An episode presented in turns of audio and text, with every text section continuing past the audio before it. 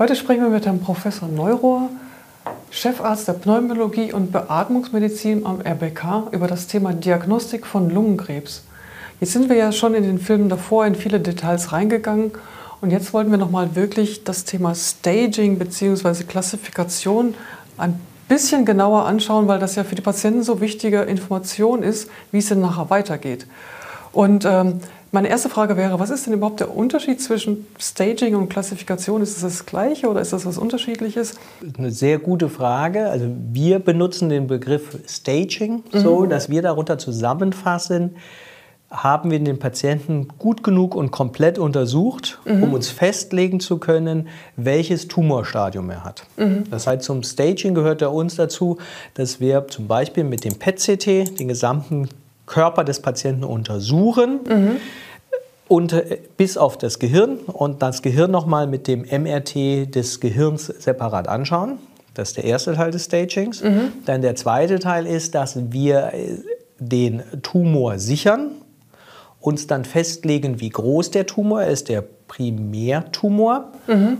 Und dann noch sagen, jawohl, wie sind die Lymphknoten betroffen? Das und gibt es Fernmetastasen. Also mhm. Staging beschreibt diesen Prozess, an dem am Ende dann eine korrekte TNM-Klassifikation steht. Mhm.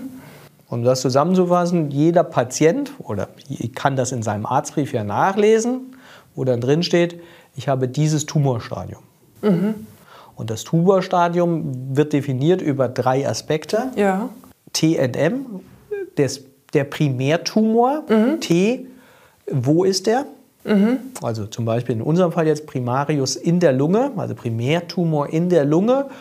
Und dann geht es danach, wie groß der Tumor ist weil je größer, desto schlechter die Prognose und je größer, desto höher die Wahrscheinlichkeit, äh, dass der Tumor Metastasen hat. Mhm. Entweder Absiedlung in die Lymphknoten mhm. oder Absiedlung in andere Organe, zum Beispiel Leber oder Gehirn oder Knochen, um Beispiele mhm. zu nennen. Also das ist und beim Primärtumor noch, ob er irgendwo hineinwächst. Ah ja. Mhm. Also der Tumor, wenn der Anführungsstrichen nur im Lungengewebe ist, ist noch was anderes als ein Tumor gleicher Größe, der aber zum Beispiel an ein umgebendes Gefäß hineinwächst. Mhm. Weil wenn er irgendwo reinwächst, obwohl er genauso groß ist ähm, oder sehr zentral sitzt, dann ist, hat er auch eine schlechtere oder eine andere Prognose. Wenn mhm. er zum Beispiel ein Gefäß erodiert, hat er ein höheres Risiko zu bluten, aber auch eine höhere Streuungswahrscheinlichkeit. Ja. Also deshalb TNM, also das Tumor im Stadium, mhm. der Gesamttumor setzt sich zusammen aus, wie groß ist mein Primärtumor und ja. wo liegt er? Ja. Wenn wir jetzt beim Lungenkarzinom sind. Ja. Dann äh, wollen wir wissen, welche Lymphknoten sind betroffen. Das ist das N. Das N für Lymphknoten. Ja. Ähm, alles natürlich Englisch. No, äh, Notes, Notes ja. Genau.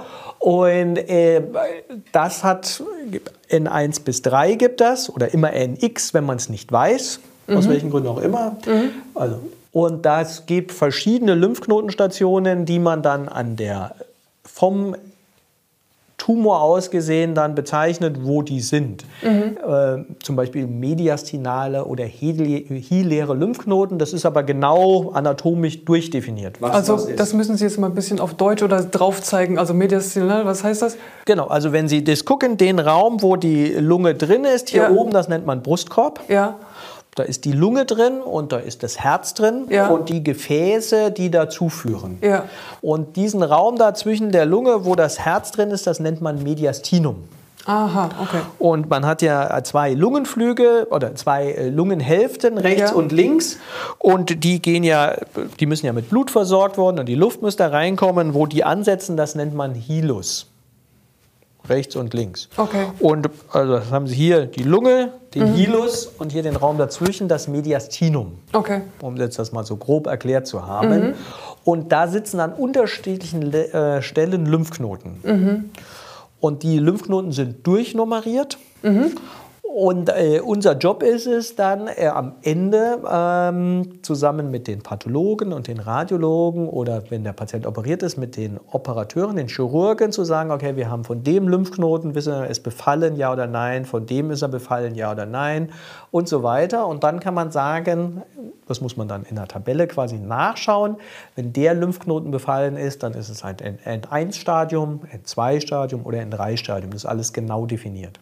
Befallen heißt jetzt tatsächlich, dass dann Krebszellen im Lymphknoten drin sind. Ne? Das heißt, wenn man den jetzt also rausoperiert und dann, also wieder, wie wir vorher beschrieben haben, histologisch untersuchen würde, würde man dort Krebszellen finden. Genau, entweder der würde rausoperiert ja.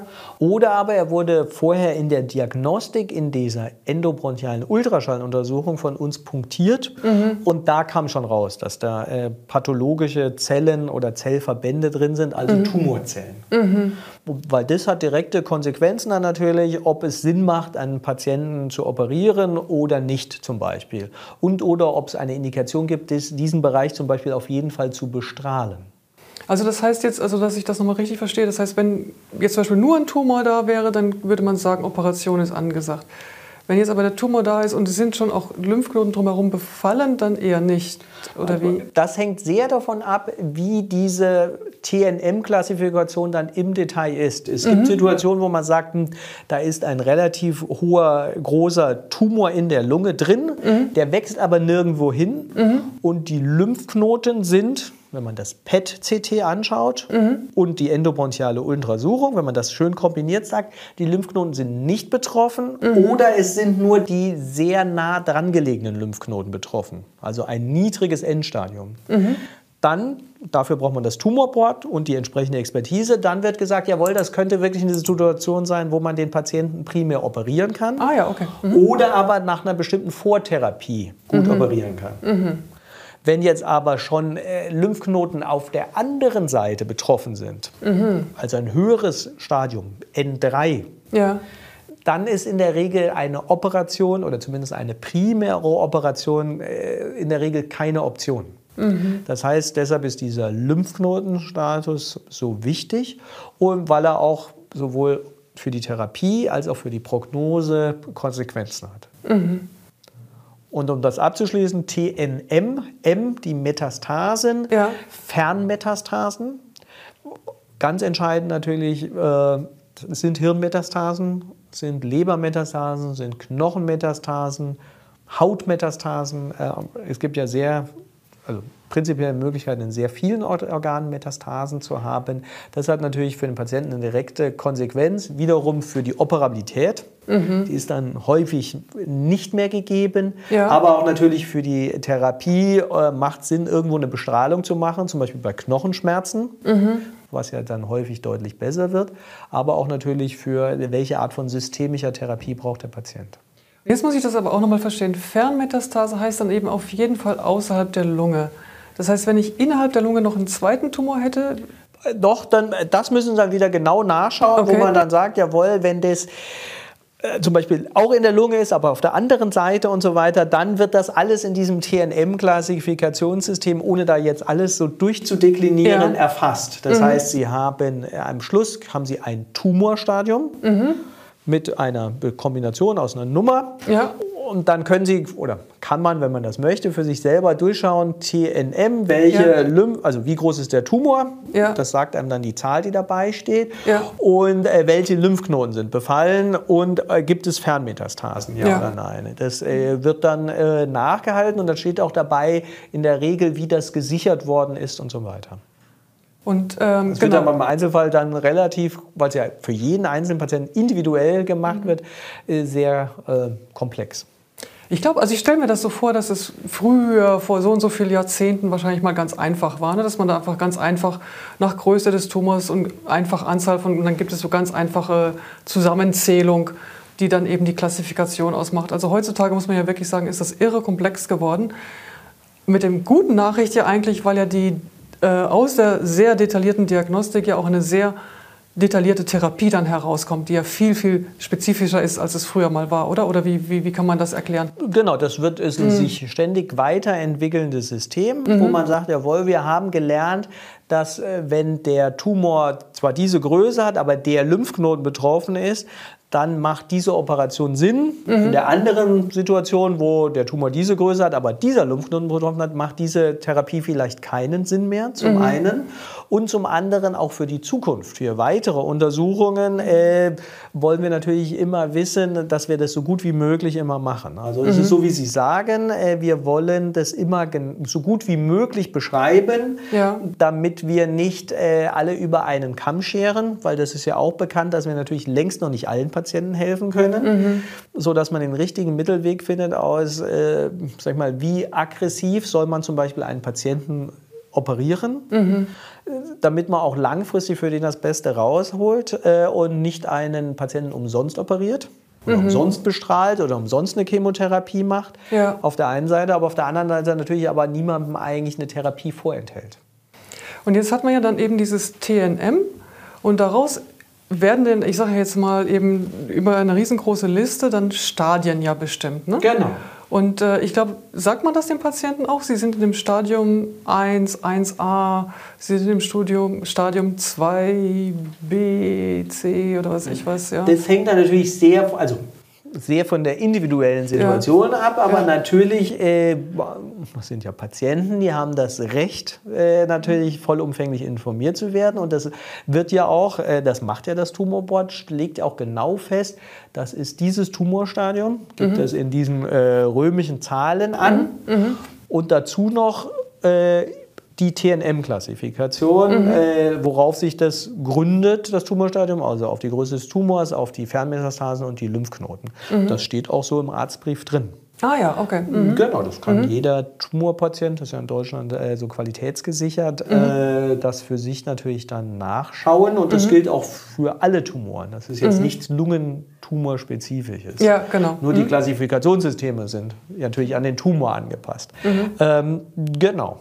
Generell muss man ja sagen, dass sozusagen die niedrigere Zahl ist die bessere und die höhere Zahl ist die schlechtere. Jawohl, das ja. äh, genau. Wenn mhm. Sie in einem höheren Tumorstadium sind, mhm. dann äh, ist das äh, in der Regel bedeutet, dass Sie entweder einen größeren Tumor hatten oder mehr äh, Lymphknoten betroffen sind und oder Fernmetastasen vorhanden sind, mhm. was in der Regel auch die, einen Einfluss hat auf die Prognose. Mhm.